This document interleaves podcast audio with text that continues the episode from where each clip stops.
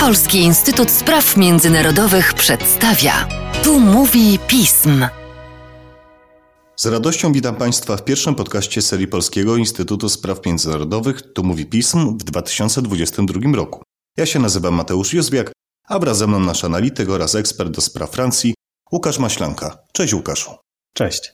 Szanowni Państwo, na pierwsze półrocze w 2022 roku przypada francuska prezydencja w Radzie Unii Europejskiej. I co warto zaznaczyć, a o czym już również rozmawialiśmy, Francja od wielu miesięcy starannie przygotowywała się do tego wydarzenia, budując sojusze wewnątrz wspólnoty, jednak niektóre pomysły Francji mogą budzić kontrowersje, także z punktu widzenia polskich interesów. W polskiej debacie publicznej francuskie pomysły na integrację europejską często kojarzą się z koncepcją federalistyczną.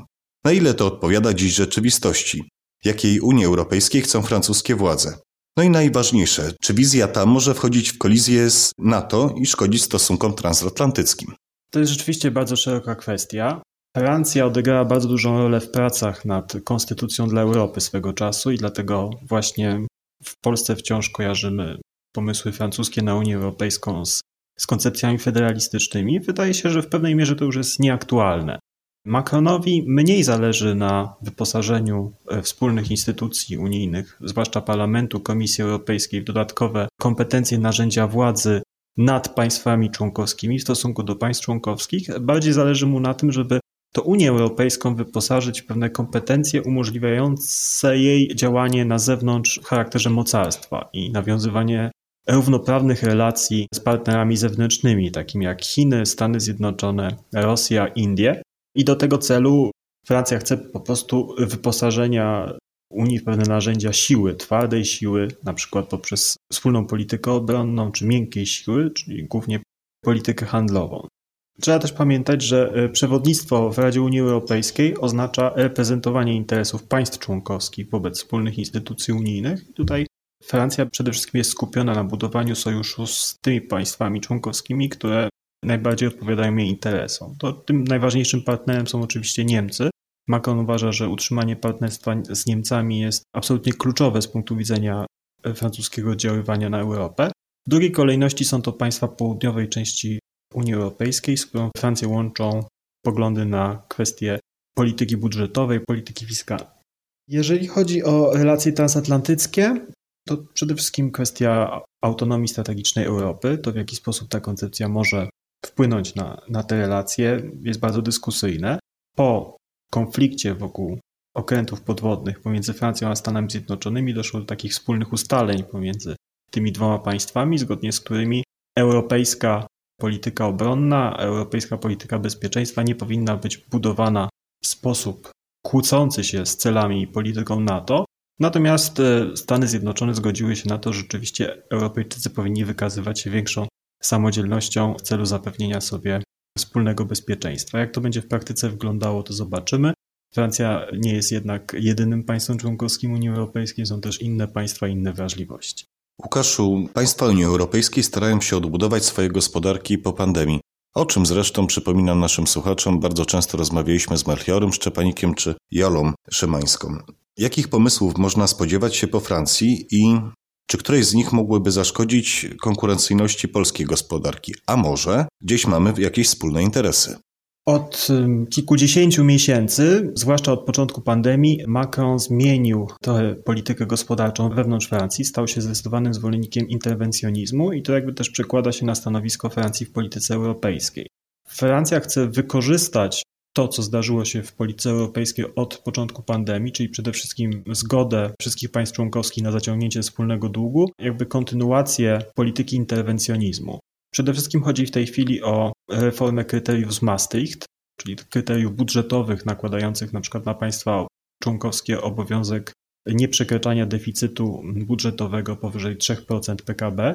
Macron uważa te kryteria za przestarzałe, uważa, że Państwa członkowskie powinny mieć więcej swobody w zaciąganiu długu, a przede wszystkim finansowania z tego długu inwestycji. Macron uważa, że nie da się na przykład przeprowadzić transformacji ekologicznej bez inwestycji publicznych. Państwo, Unia Europejska, wszystkie państwa członkowskie muszą bardziej inwestować e, w rozwój swoich gospodarek, bo inaczej gospodarka unijna nie będzie w stanie konkurować z partnerami zewnętrznymi.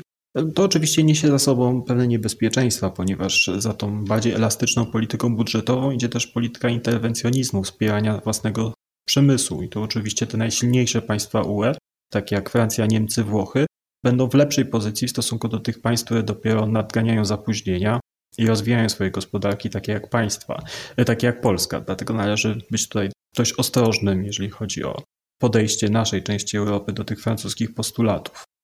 To, co nas łączy z Francją, w tej chwili takim najwyraźniejszym punktem wspólnym jest polityka energetyczna.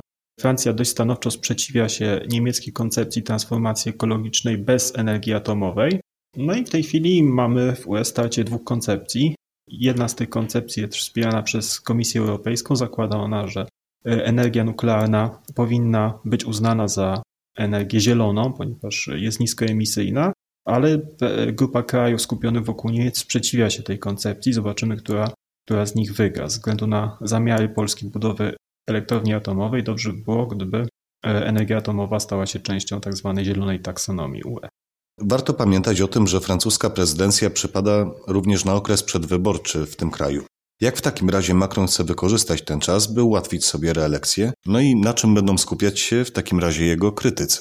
Rzeczywiście to nie jest przypadek, że Macron zdecydował się na przeprowadzenie prezydencji w okresie kampanii wyborczej. Mógł na przykład uzgodnić z jakimś innym państwem członkowskim przełożenie terminu francuskiej prezydencji. Nie zdecydował się na to, ponieważ uważa, że polityka europejska jest jego atutem w walce o reelekcję. Będzie starał się pokazać Francuzom, że rola Francji w Unii Europejskiej wzrosła w ostatnich latach. Wzrosła także dzięki jego aktywnej polityce proponowania reformy UE że wzrosła pozycja Francji w stosunku do Niemiec, że Francja stała się takim nieformalnym rzecznikiem państw południowej części y, Unii Europejskiej, polepszyły się relacje z Włochami, Hiszpanią, z Grecją.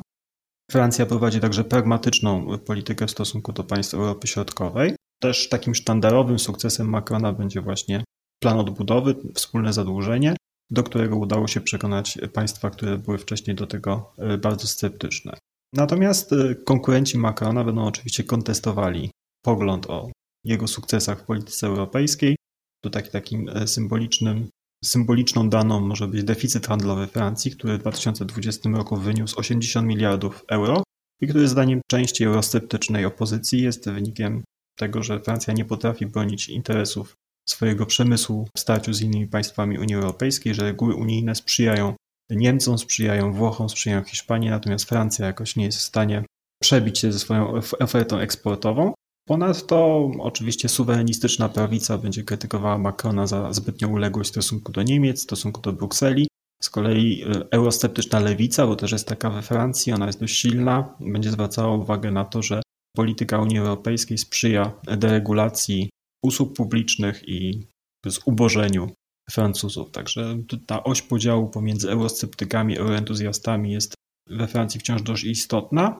Zobaczymy, jak będzie wyglądała druga tura wyborów we Francji. Jeżeli, tak jak w poprzednich wyborach, będzie to starcie Macrona z kandydatem lub kandydatką eurosceptycznej prawicy, no to wtedy rzeczywiście Unia Europejska może stać się ważnym momentem podziału. Jeżeli do drugiej tury dostałaby się centroprawicowa Valérie Pécresse, no to będzie Macronowi z kolei o wiele trudniej przekonywać e, zarówno swoich obywateli, jak i Europę, że jest e, jedynym ratunkiem przed rządami populistów.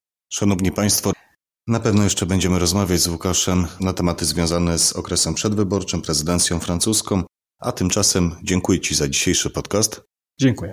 Państwa zaś zachęcam do śledzenia naszej strony internetowej, czytania najnowszych biuletynów i komentarzy, śledzenia mediów społecznościowych i do usłyszenia.